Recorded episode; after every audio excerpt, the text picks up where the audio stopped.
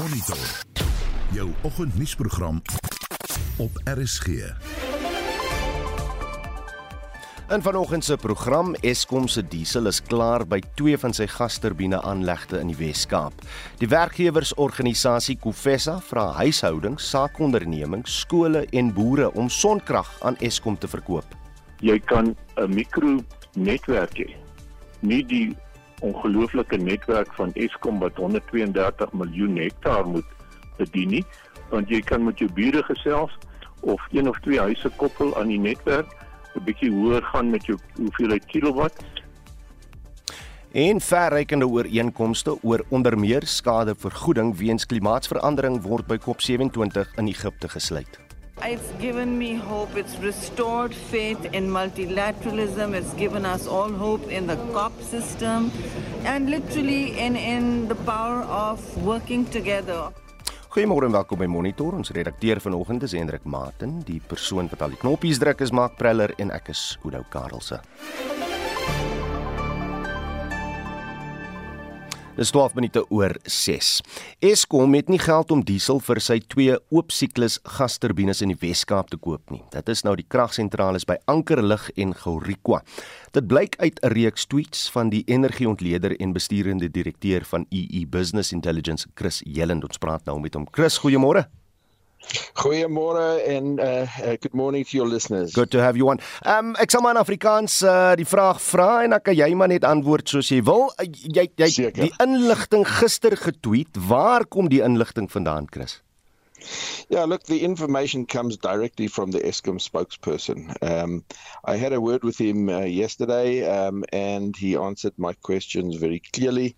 That ESCOM has run out of diesel, and it has run out of money to buy new diesel. There is no new diesel on order, and they expect these open cycle gas turbines to be out of service um, uh, until at least uh, the 1st of April um, 2023, which is the start of their new year, new financial year, because uh, they have exceeded their budget allocation for diesel um, uh, two times. In other words, uh, spent twice as much as was budgeted. And um, they believe it would be reckless to continue spending without the budget approved. So tensy die tesourier nou inkom en sê, "Ryk, ons gryp in, hier's vir julle uh, uh, uh, uh, uh genoeg geld om om dit te bestel," gaan dit nie voor die 1 April gebeur nie. Uh, I, I think uh, if somebody comes up with the money, and I'm not sure if you've seen, there's been a media release by uh, uh, by the DPE, Mm. uh, Pravin Gordon Minister, uh, has released a press release saying that um, they are working now with Treasury to try and get this money. But remember this: Mm. uh, that um, you still have to order it. Uh, the ship still has to come in. Uh, it, can take some weeks, um, you know, for you know once you place the order for the ship to arrive and uh, flood the diesel. Um, but certainly, it could happen uh, if somebody came up with the money. Uh, it could happen uh, before the first of April, 2023. Alraai Chris, gaan verduidelik net vir, vir die luisteraars waar pas Ankerlig en Gaurikwa in die kragnetwerk in en watter impak het dit op beurtkrag as daar nou nie diesel vir hierdie aanlegte is nie. Yeah, so um, Ankerlich and Garekwa are these open cycle gas turbines. They are emergency generation, uh, but they have been used uh, to alleviate load shedding. Uh, you know, you know, for the last several years, um, and uh, it's very expensive to run these. Uh, about seven rand a kilowatt hour. Uh, so Eskom try and use them as little as possible, but they have been using them to reduce the uh, level of load shedding. And in fact, uh, there's 2,000 megawatts of these open cycle gas turbines um, uh, at Garikwa and um, Ankerlich, uh, and therefore that can alleviate two stages of load shedding. Uh, if they are used. Now, the point is there is no diesel and there's no money to buy diesel. But I am told by Eskom that they do have some uh, reserves of diesel, um, but that these are being kept for what, and I'm using their own words, for for when there is a dire emergency. Uh, so I asked Eskom, you know, what, what do you mean by a dire emergency? Like, are- aren't we in a dire emergency right now? Uh, and the, the answer is this: that those uh, units have to be kept on standby with some uh, diesel uh, in case of a sudden trip out of a number of uh, coal-fired generators uh, at the same time. Uh, by law, by the grid code, Eskom is obliged to have a certain amount of what is known as spinning reserve mm. generation. Spinning reserve generation is generation that can be brought on at a moment's notice okay. uh, to deal with an emergency such as a number of units tripping out uh, simultaneously. And you have to have generation reserve in order to maintain the power system. Maar nou Chris, dan dan wil ek vra. Eskom het Sondag beerkrag opgehef in die oggend. Almal het uh, wakker geskrik en sê, "Oké, okay, daar's nou nie meer breed beerkrag nie." En toe later in die dag is dit weer ingestel. Is dit nie 'n aanduiding dat ons wel op daai punt is nie? Dat ons daai reserves moet gebruik? Yeah, look, it it is very unsettling, but uh, that is the, use of these diesel uh, turbines is no longer being used or dispatched to meet uh, a demand, a normal demand. It is being reserved for dire emergencies, uh, such as when the grid becomes unstable and we are on the point of uh, a national blackout. So, in order to maintain, if you have a sudden trip out mm. of a number of units simultaneously, the frequency starts to drop the, the, the power system frequency, and unless you take immediate action, the power system will go into a national blackout if you do not if you allow the, the frequency just to suddenly drop as a result of this fault mm. so you have to keep a certain amount of generation reserve uh, that can be uh, you know switched on in very short uh, time uh, and if you don't have that you, you, you risk a national blackout. So, so, uh, so that is the kind of dire emergency they're talking about, okay. not meeting demand. Okay, daar sê. So so wat het dan gister skeef geloop wat nou veroorsaak dat ons hierdie week tussen wissel tussen uh, fase 2 en fase 5? now look it's it's really unsettling. Uh, you know we were having stage 4 load shedding and it was reduced and then suddenly there was no load shedding in the morning and then at 5 o'clock we had stage 4 load shedding and now we're going to have stage 5 load shedding today. So uh, it's highly variable, and uh, it seems to me like things are not well under control. Mm. Um, but the bottom line is uh, that they use the weekend to replenish their uh, water levels in the dams of the pump storage schemes. Uh, that was apparently done uh, by, by, by, by Sunday morning. Uh, they they can't replenish the diesel in the diesel tanks mm. Mm. because there is no diesel available. Um, but nevertheless, the dams were full. There's nothing more they could do, uh, they, and so they they ran. Um, you, you, know, they stopped load shedding. But towards the evening peak, where, where suddenly demand starts picking up again, uh, and today uh, suddenly they have to in, in, increase load shedding again. Uh, simply stated, we don't have enough generation. Uh, we don't have any diesel uh, and, and, and we're going to experience high levels of load shedding. Uh, you know, and, and by the way, on the 9th of January, sorry, on the 8th of January, December, and the 8th of December, mm-hmm. one unit at Coburg is switching off for six months. Uh, that's uh, 900 megawatts. So that's a stage, one stage of load shedding. So the, the situation at the moment is very dire. Seënde Kersfees vir jou Chris Helland. Dit was die energieontleder en besturende direkteur van EE Business Intelligence, Chris Helland.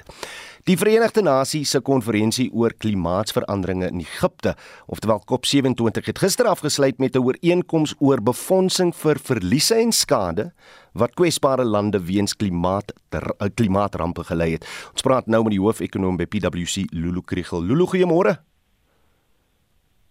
Lulu? Ja. Uh, ek dink jy jy jy het vir Morney Du Plessis van WWF. Daar Morney, groot ja. jammerte daar Morney, maar ons uh, praat basies oor uh, uh, wat by COP27 uh, plaasgevind het. Laat ek net weer kyk of Lulu wel daar uh, beskikbaar is aan ons. Lulu, goeiemôre. Ek is hier so. Daar sê, daar. Hoop dit gaan goed daar by jou. Sê my, hoe gaan hierdie fonds werk en wie gaan daarvoor betaal? Ja, dis een van die goed wat nog nie 100% seker is nie. Ehm um, So dit lyk uh asof die fondse van uit bestaande dis byvoorbeeld die Wêreldbank en ander ontwikkelingsbanke gaan kom en uh ryk lande gaan nie daarvoor verantwoordelik wees nie. Dis een van die groot punte hmm. wat baie kontroversie veroorsaak het voor Kop ehm um, reeds begin het en en baie onsekerheid. So dit lyk my hulle het gevra gee ons die volgende jaar om duidelikheid te gee presies hoe die fonds bestuur gaan word, hoe dit gaan werk, hoe dit befonds gaan word. Maar wat ons op hierdie stadium wel weet is dat ehm um, die die die ooreenkoms was dat ehm um, dat dit uit bestaande fondse gaan kom en ontwikkelingsbanke uh, byvoorbeeld die Wêreldbank en die internasionale monetaire fonds gaan bydra daartoe. Hoekom kry ek die gevoel dat ontwikkelende lande soos Suid-Afrika, hulle gaan toegang hê tot groot uh, uh, lenings en dan kom die geld nou en dan moet die geld weer uitgaan vir vir dinge soos hierdie fonds? Ehm um, ek dink byvoorbeeld dit hulle gaan ons die die gedagte is dat dit soveel as moontlik beperk gaan word.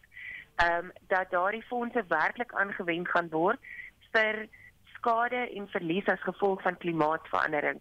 Ehm um, en dat dit die fokus gaan wees en dit is ook hoofsaaklik dink ek hoekom dit so moeilik was om wel 'n gedeeltelike ooreenkoms te bereik hier hier rondom. So, ehm um, as 'n mens mooi gaan dink daaroor, ek moet sê ek was 'n bietjie gefrustreerd. Ek was verlede hmm. week uh of voor verlede week by Kop en ek het gevoel dat uh hierdie is werklik een van die grootste krisisse waarmee ontwikkelende lande sit. Mm. Is die nagevolge van wat die laaste paar dekades gebeur het rondom ehm um, rondom klimaatsverandering en waar die oorsaak vandaan kom.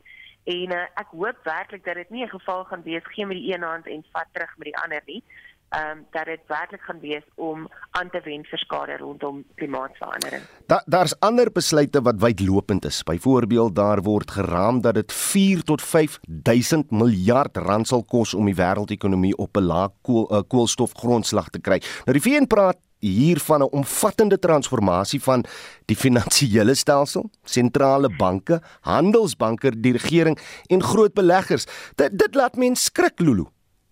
Dit laat mens skrik, maar um, mense moet ook in gedagte hou dis omtrent 5% meer uh, as wat ons buitendien sou nodig gehad het mm. om die om die ekonomie ehm um, aan die gang te hou en veral om om toegang te gee tot ehm um, tot energie vir ontwikkelende lande. So dit dit is 'n fenominale bedrag en ons gaan dinge moet anders doen. Um, maar my grootste bekommernis is as 'n mens byvoorbeeld kyk na die Afrika kontinent. Mm. Die grootste gedeelte van die gelde wat inkom nog steeds um, is vir mynbouprodukte en uh, fossiel brandstowwe en uh, beleggings ook in daardie in daardie area. So ons sal binne die volgende paar jaar, kom ons sê binne die volgende 5 tot 10 jaar alternatiewe moet kry as kontinent hmm. vir ons grootste bron van inkomste en dit maak my meer bekommer as waar die geld gaan daar vandaan gaan kom vir daardie ehm um, fenominale bedrag uh, soos jy gesê het ek dink is 2.4 uh, triljoen hmm. of of biljoen ehm um, uh, of miljard ekskuus tog ehm um, uh, dollar wat nodig is om om om dit te voorsien. Dit is omtrent net 5% meer as wat ons baie die nodig sou gehad het maar die manier hoe ons dit gaan aanwend moet heeltemal anders lyk. Like, dit is waar die groot bekommernis vir my vir ons as kontinent en ook as land inkom. Dit was die hoofekonoom by PwC Lulu Kriel.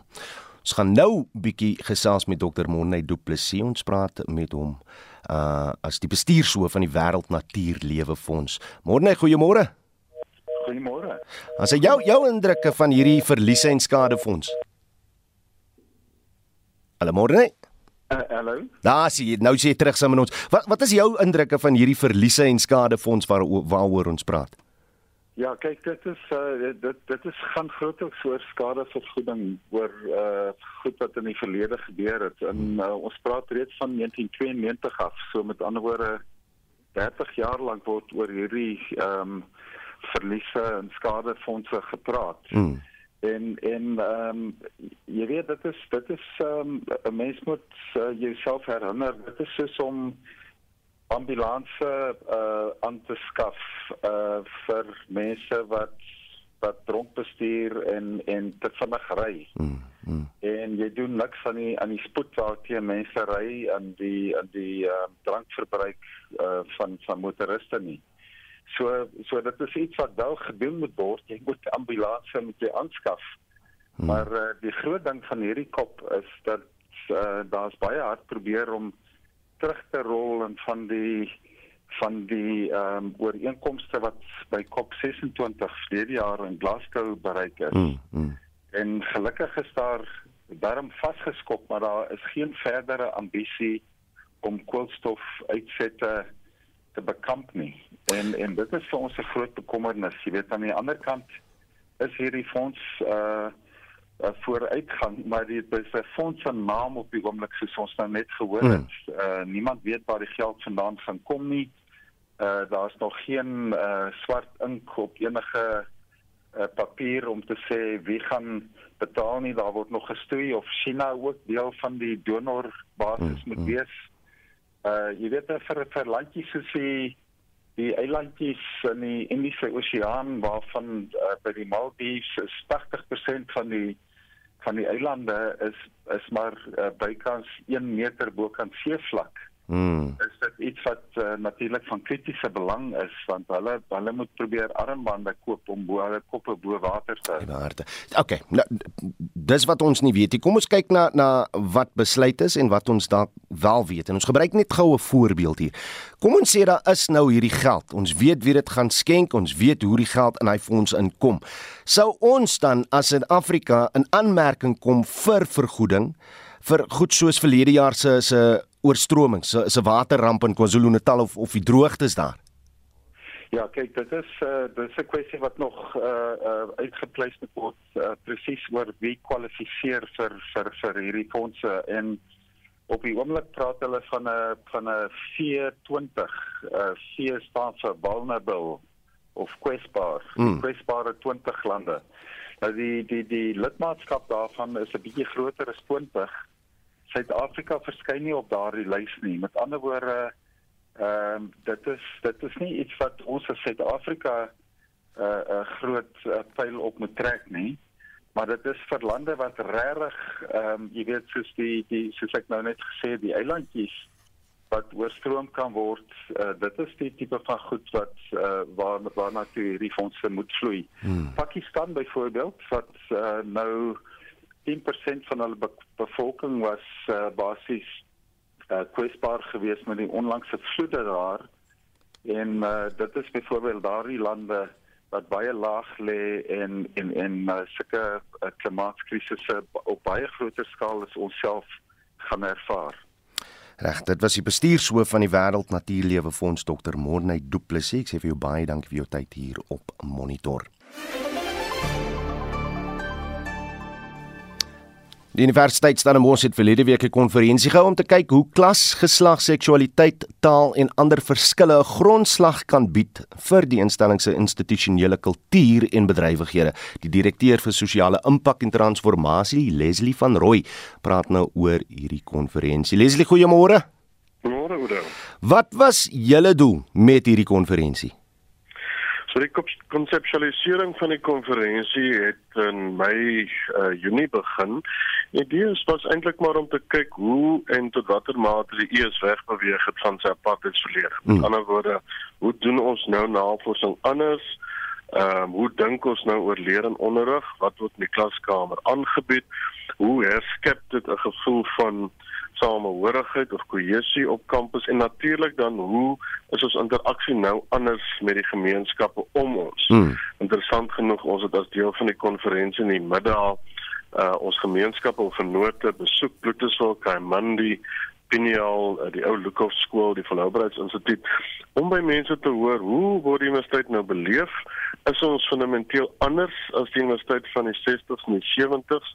Hoe dink uh, ons gemeenskappe nou oor samewerking uh, en natuurlik is dit um, as uitkoms om te bepaal of inderdaad ons institusionele kultuur verskuif het of dit meer omarmend is of dit meer verwelkomend is en inderdaad of die universiteit weggebreek het met sy verlede. So so wat is van die vernaamste ding wat jy geleer het?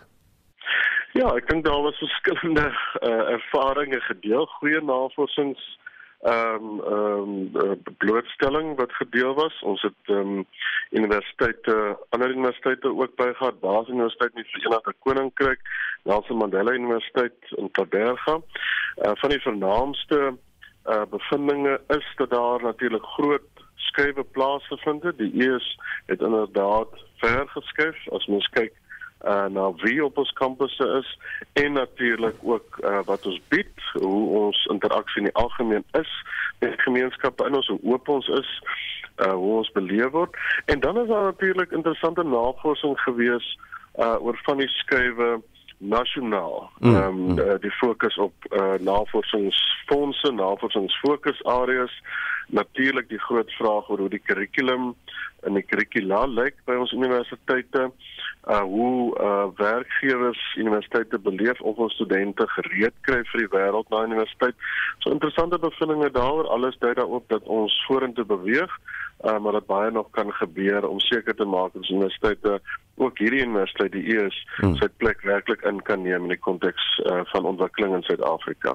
Ja kyk ek, ek, ek dink Suid-Afrikaners verstaan wat 'n uitdagings julle universiteit spesifiek het. Uh, en as jy kyk na na wat uh, byvoorbeeld professor Jonathan Jansen onlangs in 'n rubriek geskryf het dat die Irene voorval by Stellenbosch juis is omdat die universiteit verander en dat dit nie 'n teken van 'n gebrek aan transformasie nie, uh, uh, transformasie is nie. Jou jou reaksie daarop?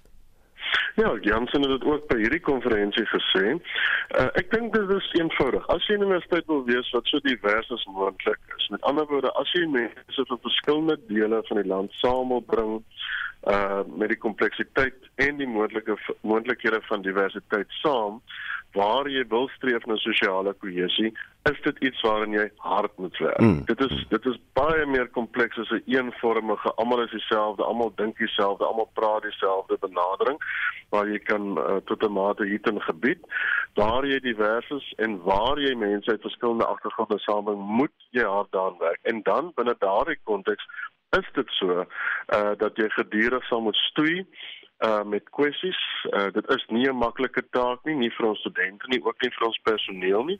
Maar daardie studie beteken dat jy inderdaad mense kan uh vorm tot so 'n mate uh dat ons almal die vaardighede aankweek en aanleer uh om uiteindelik te kan wegstap van die universiteit soos die eers uh, as afgeronde studente, uh, wêreldburgers, landsburgers wat diversiteit verstaan, hmm. uh, wat saam kan leef, wat sosiale kohesie ehm um, verwelkom en hopelik dan daarmee uh, werklik 'n goeie toekoms in kan gaan, nie net vir individue self nie, maar ook uh, vir die Suid-Afrikaanse samelewing in sy geheel. Leslie, ek moet jou vra ek ek moet jou vra, die tyd so 'n bietjie teen ons van ons praat uh, so binnekort met die die Kaapse Forum oor die aksie wat hulle nou wil neem oor professor Jansen se se woorde, die die metafoor wat hy sê wat hy gebruik het oor die honde, die urine en die gemerk van gebied van van wit manlike studente by die universiteit. Verstaan julle die, die die metafoor wat hy gebruik het? Kyk, ek dink alles moet binne konteks verstaan word. Konteks is inderdaad alles. Ek dink wat Jansen probeer sê is dat mens nie 'n urine voorval maar net kan sien as 'n urinering nie. Mens hmm. moet dalk iets staan uh, anders sien. Jy moet bepaal hoekom dit plaasvind, hoekom dit so gereeld plaasvind, hoekom dit histories plaasvind. Het voorbeelde genoem hier in elders waar dit plaasvind het en of daar dalk nie iets in die siege is uh, van ons studente waarna ons harder moet werk nie.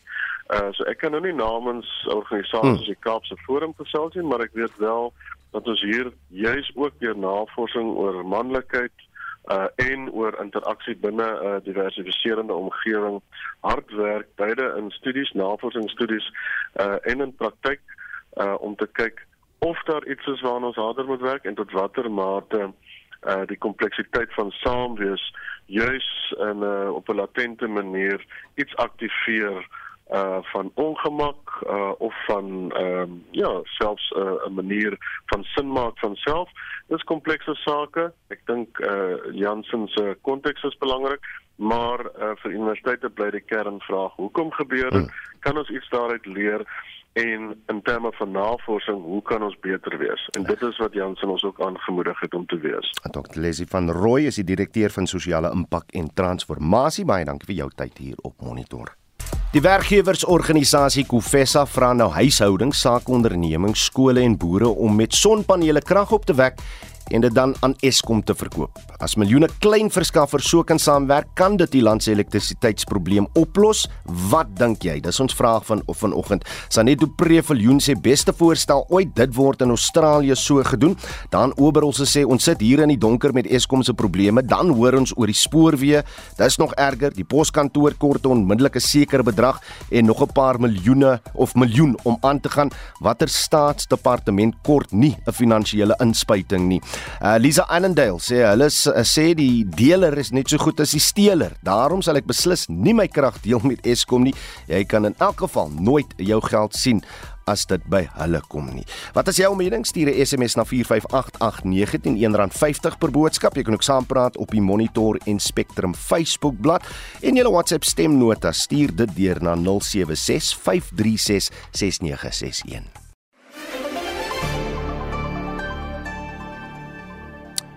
Die burgerregte drukgroep, die Kaapse Forum het 'n klag teen professor Jonathan Jansen van Stellenbosch Universiteit gelê na hy in 'n rubriek in Times Live die metafoor van honde gebruik het om urineringsvoorvalle by die universiteit te verduidelik. Ons praat nou met die uitvoerende voorsitter van die Kaapse Forum, Hendrik Weingart. Môre Hendrik. Maar Udo, ook aan die luisteraars en die monitorspan. Voor ek en jy gesels, ek wil net 'n uittreksel lees uit uh, Jansen se artikel en dit is die oorspronklike Engels om seker te maak dat niks verlore gaan nie. Uh the reason say you have this latter day racism at Stellenbosch University is because the university is changing, not because it is untransformed. Ask yourself this, why would the Free State students and the now three incidents at Stellenbosch involve men and urine? Quite simple. Just like dogs use urine to mark their territory and anxiety, white male students use the same strategy to protest black incursion into their intimate space, spaces such as residences. Waaroor gaan julle klagte? Ons klagte gaan primêr daaroor dat dit in alle gevalle altyd problematies is as 'n mens 'n sekere probleem probeer oplos of verduidelik aan die hand van vergelykings van mense se optrede met die van diere. Of dit nou hierdie geval is wat gebruik word deur Jonathan Jansen, die hondevoorval of die honde verwysing, of dit nou Penny Sparrow is wat van ape praat en of dit nou in Rwanda is waar mense kakkerlakke genoem is. Ons het Jansen gevra om kommentaar te lewer, maar hy het bloot gesê sy uitlating is nie nuuswaardig nie. Dan sê hy ook in 'n WhatsApp boodskap aan ons die volgende en ek gaan weer eens in Engels lees sodat ons niks verloor uit sy kommentaar nie. Nou, sê hy, I, I really am at peace with what I wrote. Both linguists and lawyers, including a senior judge, was consulted. They say the complaint, dit is nou julle klagte in, in uh, aanhalingstekens, is is ridiculous, sê hy. No human being is a dog and the article using metaphorical language does not say that. Het julle dan nog 'n saak? Iemand wat so hooggeleerd is soos professor Jonathan Jansen behoort te weet dat jy met daai taal gebruik die konteks waarna Dr. Leslie van der Rooyen nou verwys het moet inwerk in so 'n rubriek. Maar die van ons wat vertroud is met die skryfwerk van en uitlatings van Jonathan Jansen weet dat hy die skok effek heel gereeld gebruik. En dis waarom die professor die dag tevore voordat sy rubriek verskyn het, dit goed gevind het om spesifiek daai verwysing dat hoe honde hulle gebied afsper deur urine te gebruik uit te haal en sy le le lesers te um, vertel dat hulle dit te wagte kan wees die volgende dag. Hy het nie van transformasie in die algemeen gepraat en so aan hy daai woorde het hy uitgehaal um, sodat hy reeds 'n klomp mense kan opgewonde maak. Um, om die feit dat dit nodig was om 'n uh, uh, regter en ander regsgeleerdes te raadpleeg oor hierdie verwysing sê vir jou dat daar twyfel moes wees en dat die professor weet die taal wat hy gebruik het veral in 'n uh, samelewing soos die van Suid-Afrika is altyd problematies. Om dit nou weg te wil verduidelik is nie goed genoeg nie. En Kaapse Forum vra gewoon dat die Menseregte Kommissie hulle eie oordeel moet vel oor hierdie verwysing van hom en indien hulle dan bevind dat dit verkeerd opgetree het, moet hulle seker maak dat daar aksie geneem word teen hom. Gaan julle nog kans gee vir hom om om verskoning te vra want dit dit, dit lyk duidelik hy gaan nie en dit is ook nie in sy aard om verskoning te vra nie. Onthou Jonathan Jansen hy hy hy leef daarvan om om strede te wees om reaksie uit te lok. Dit sou hy ongelukkig verkies om relevant te bly in die openbare sfeer want ek weet nie soms kry mense die idee dat omdat die professor nou nie meer 'n fisierektor is nie of 'n rektor 'n fisiekanselier of 'n rektor is nie um, moet hy homself besig hou met hierdie met hierdie soort um, aksies en dit doen ons nie goed nie. Onthou op 26 November 2019 het dieselfde professor Jan Jansen getweet oor hoe hy in 'n boekwinkel Engels praat met die assistent Louis Swanepoel en sy in Afrikaans reageer. Hy het glad nie daaraan belang gestel dat sy weet hy is Afrikaans magtig nie ja. en dat hy nou sien ek ook nou weer praat van Afrikaans as sy moedertaal maar hy het hom lank weet het hy hom uh, vervreem van die taal want dit beteken vir hom dat se wat mens taal en ons almal weet dis nie waar nie. So uh, professor Jansen het toe reeds gewys dat hy stel nie eintlik be belang in om mense nader aan mekaar te bring nie.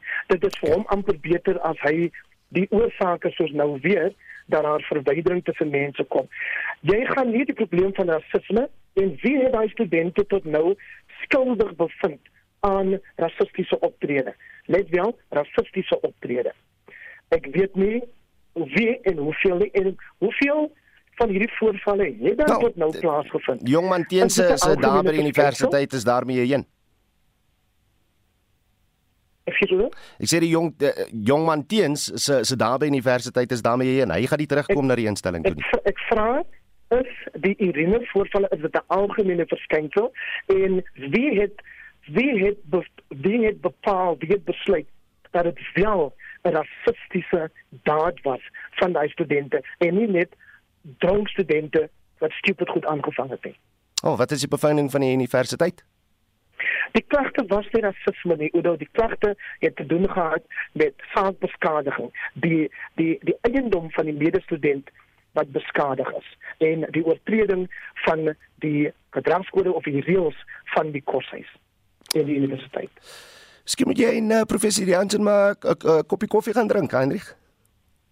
Ehm um, ek sal dit enige tyd doen, maar jy het boodskappe vir ons gelees van professor Jansen. Ehm um, hy ek dink hy hy sal daaraan belangstel nie, maar miskien is daar 'n uh, ander organisasie wat miskien kan dokter Leslie van Rooi ons ons uh, nooi vir vir 'n koppie koffie of tee. Daar's hy, die uitvoerende voorsitter van die Kaapse Forum, Heinrich Weingart.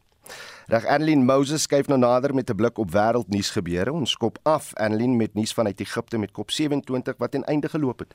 Ja, daar is groot opwinding oor die ooreenkoms wat aangegaan is om befondsing te verskaf aan ontwikkelende lande wat grootliks die slagoffers van klimaatsverandering is. Daar was egter teleurstelling dat die ooreenkoms nie veel bevat het oor die uitfasering van fossielbrandstowwe nie. Hier is Justin Rowlett van die BBC. Leaders of delegations met to discuss how they could change the wording to increase the effort to cut emissions. The aim of these summits is to raise ambition every year, but today's deal dials back on what was agreed last year in Glasgow. We need to switch to renewable power, it says, but also low emission energy. Dit was Justin Rowlett van die BBC. Professor Bill Ripple van die Oregon Universiteit gee sy indrukke. The wealthy countries being willing to give the money or the uh, and to agree to the new treaty on loss and damage. So that is a huge breakthrough because the rich countries are actually the ones that have caused this climate change problem much more than the poor countries. So this is only justice to pledge money to help the climate victims in the low income areas. Dit was professor Bill Ripple van die Oregon Universiteit. Reg, dan word daar 'n haatmisdaad ondersoek eh, na 'n skietvoorval waarin 5 mense gesterf het in 'n gay nagklub in Colorado in die VSA. 25 mense is beseer voordat 'n 22-jarige verdagte deur uh, klubgangers vasgetrek is. Een van die klubgangers, Joshua Thurman, kon uh, daarin slaag om skuilings te soek. We heard everything and all I can think about is everything, my life.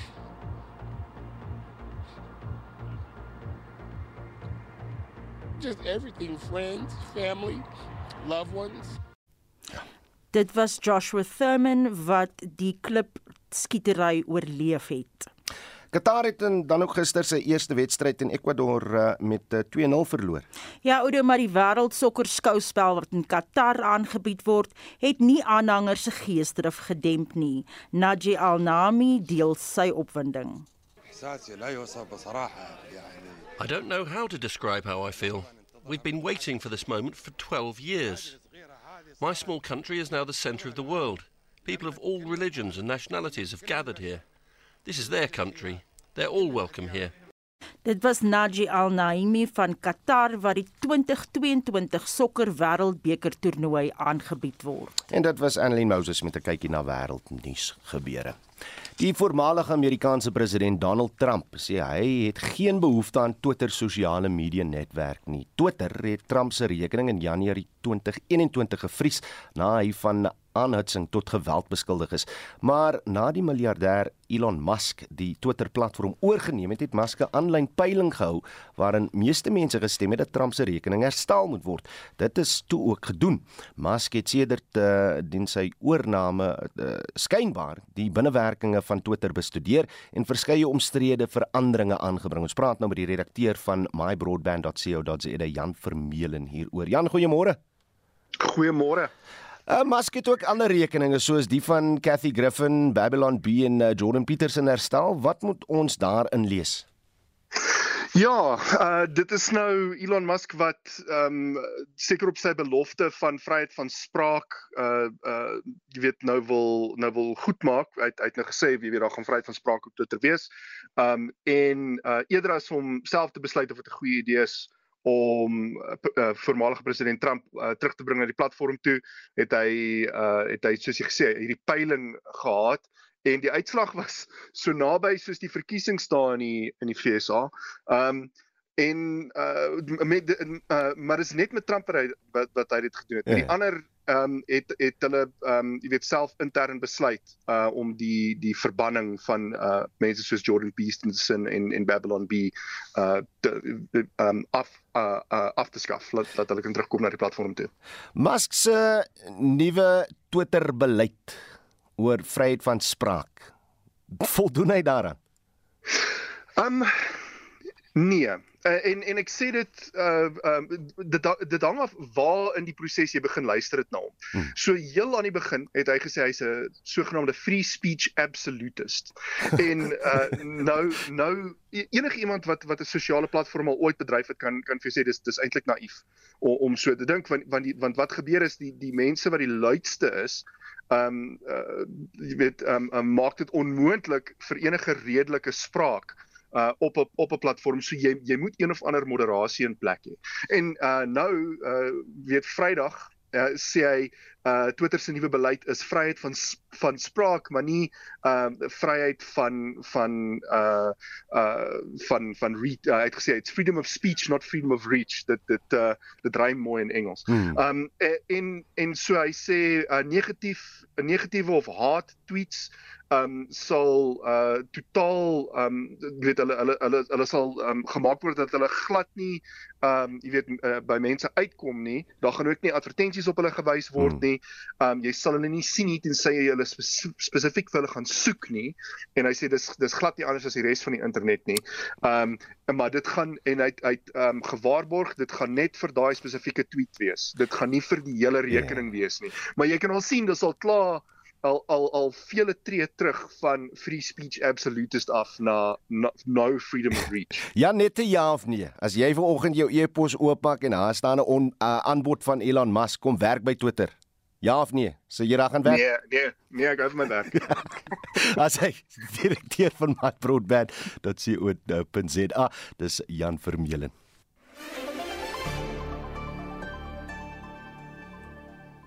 Reg vir ons tot sien sê wil ek net julle herinner uh, dat uh, die werkgewersorganisasie Kofessa vra nou huishoudings, sakeondernemings, skole en boere om met sonpanele krag op te wek en aan Eskom te verkoop en as miljoene klein verskaffers so kan saamwerk, kan dit die land se elektrisiteitsprobleem oplos? Dit is wat uh, wat ons vandag in die brandpunt vraag vra. Wat dink jy daaroor? Net so vinnig een of twee boodskappe hier op Facebook. Bets Ferreira sê nee, klein verskaffers kan liewer saamwerk om krag aan skole, ouetehuise, kinderhuise en hospitale te verskaf. Ons oorweeg 'n batterytjie met omskakelaar vir die ergste donkerte. En dan sê Annelies Jones Rademeier, waarmee gaan hulle my betaal? Terwyl Susan Marie sê elke keer wanneer die kragopwekkers aangaan, oorleef ek nog 'n hartaanval. Stuur gerus van julle SMS'e na 4588919 R50 per boodskap. Jy kan ook saampraat op die Monitor en Spectrum Facebook bladsy en julle WhatsApp stemnota stuur dit na 076 536 6961. Ons groet namens ons uitvoerende regisseur Nicoline de Wee, ons redakteur vanoggend is Hendrik Martin, ons produksieregisseur is Mark Preller en ek is Udo Karelse. Geniet die dag in die geselskap van RSG. Totsiens.